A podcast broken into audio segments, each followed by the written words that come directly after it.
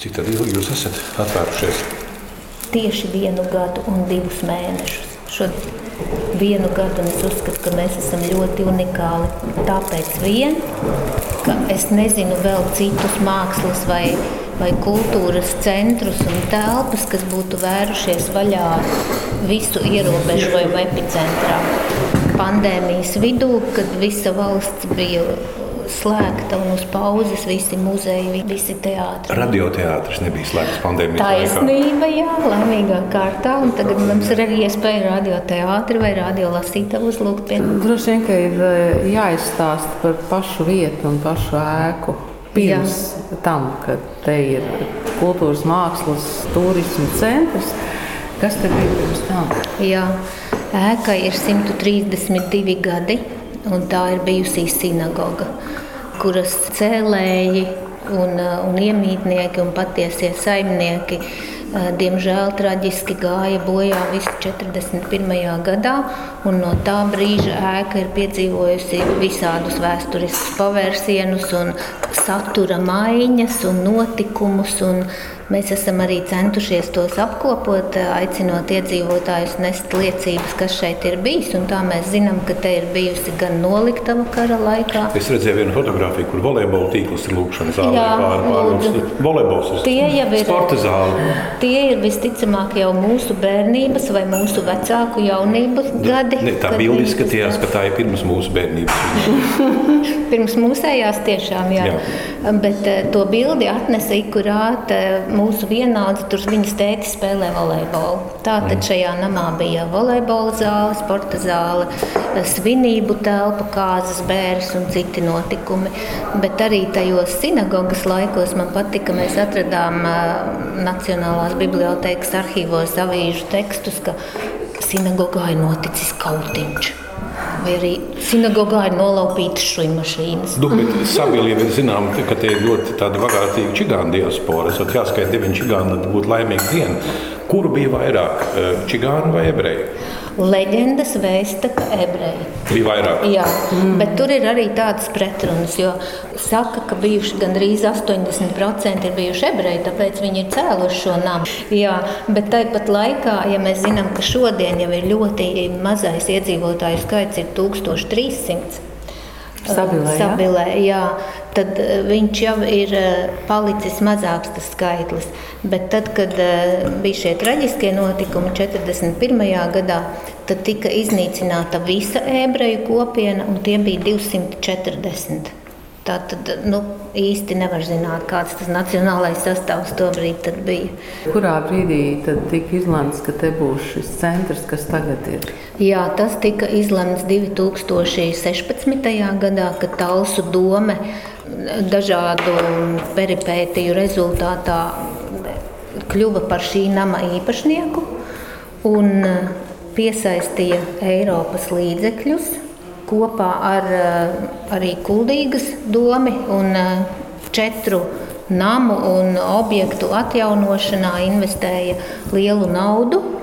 Eh, kā rezultātā arī tika nolemts, ka konkrēti šis nams tiks veltīts, un man patīk teikt, trīs atslēgvārdus - profesionālai, laikmetīgai mākslai ar starptautisku ievirzi. Nu, man prieks, ka mēs esam šeit. Tas nozīmē, ka mēs atbilstam vismaz kādam no tiem kritērijiem. Nams ir arhitektūras piemineklis, un, un es tagad citēšu tā Eiropas projekta nosaukumu, kurš ir ļoti garš. Tātad Jēkaba kultūras ceļa mantojums un mākslas jaunradas magnēti.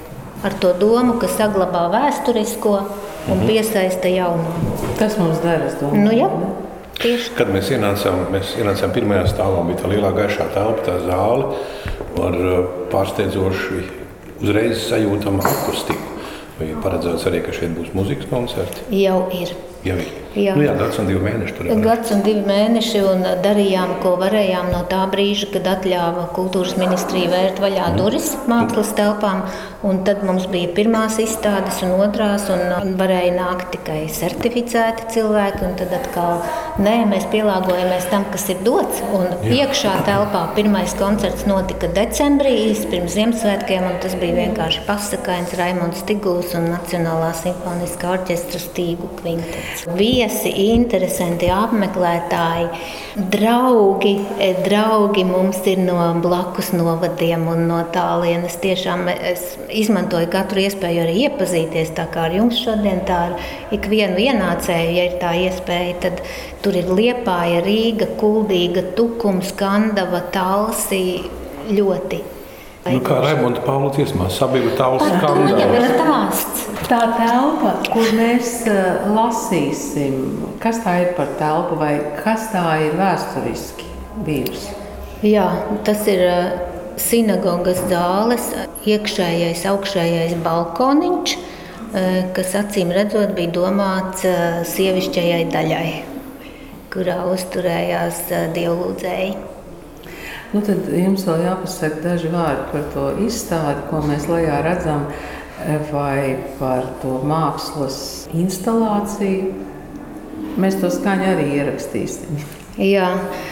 E, tur ir atkal neliela priekšvēsture. E, tā kā tad, kad es šeit sāku strādāt, man likās, kas būtu tā, tas īpašais un tā oga sapilē, nu tad Visi zinām, ka stabile atšķiras no visas valsts arī ar to, ka te ir vienīgais vīna kalns. Pie tam viņš ir Guinness rekordu grāmatā nokļuvis, un, un, un šī leģenda tiek arī tiražēta un kultivēta.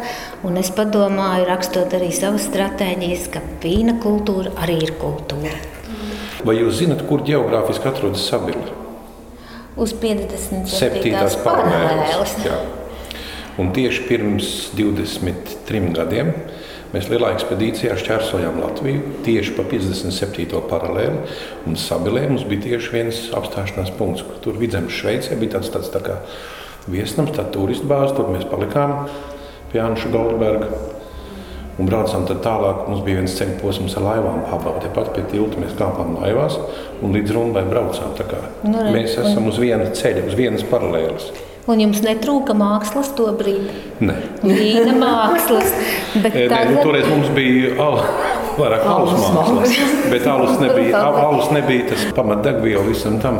Ar šo ceļojumu tomēr mēģinām iepazīt cilvēkus. Cik dažādi ir cilvēki, cik dažādi ir ainava, pilsētas, vides un, un protams, arī par mākslu mēs runājam, ja tepat jau pāri otrā pusē ir pedāli. Ja? Tieši tā. Tie jau koncentrējas ļoti daudz interesantas lietas. Jā. Maģiskā veidā uz 57. paralēlas. Vīns arī ir kultūra, un vīna kultūra arī var veicināt. Tā rezultātā uzlūdzu māksliniekus un iepazīstināja ar vīndari. Un šīs prāta vētrošanas rezultātā radās izstāde instalācija, kur divu mēnešu laikā zālē rūkst vīns, un mākslā pārvēršas tā skaņa, kas rodas vīnam rūkstot no tiem burbulīšiem. Nu, rezultāts, rezultātā vajadzētu būt reibinošam. Jā, un laipni aicinu pēc pusotras nedēļas, 27. un 28. augustā. Novadā notiek mājas kafejnīcu dienas, ir uzlūgti mākslinieki novākt izstādes ražu. Mm. Vai tā skaņa tiešām mainās? Mainās laikā, ne jā? tikai skaņa, arī smarža telpā. Mm.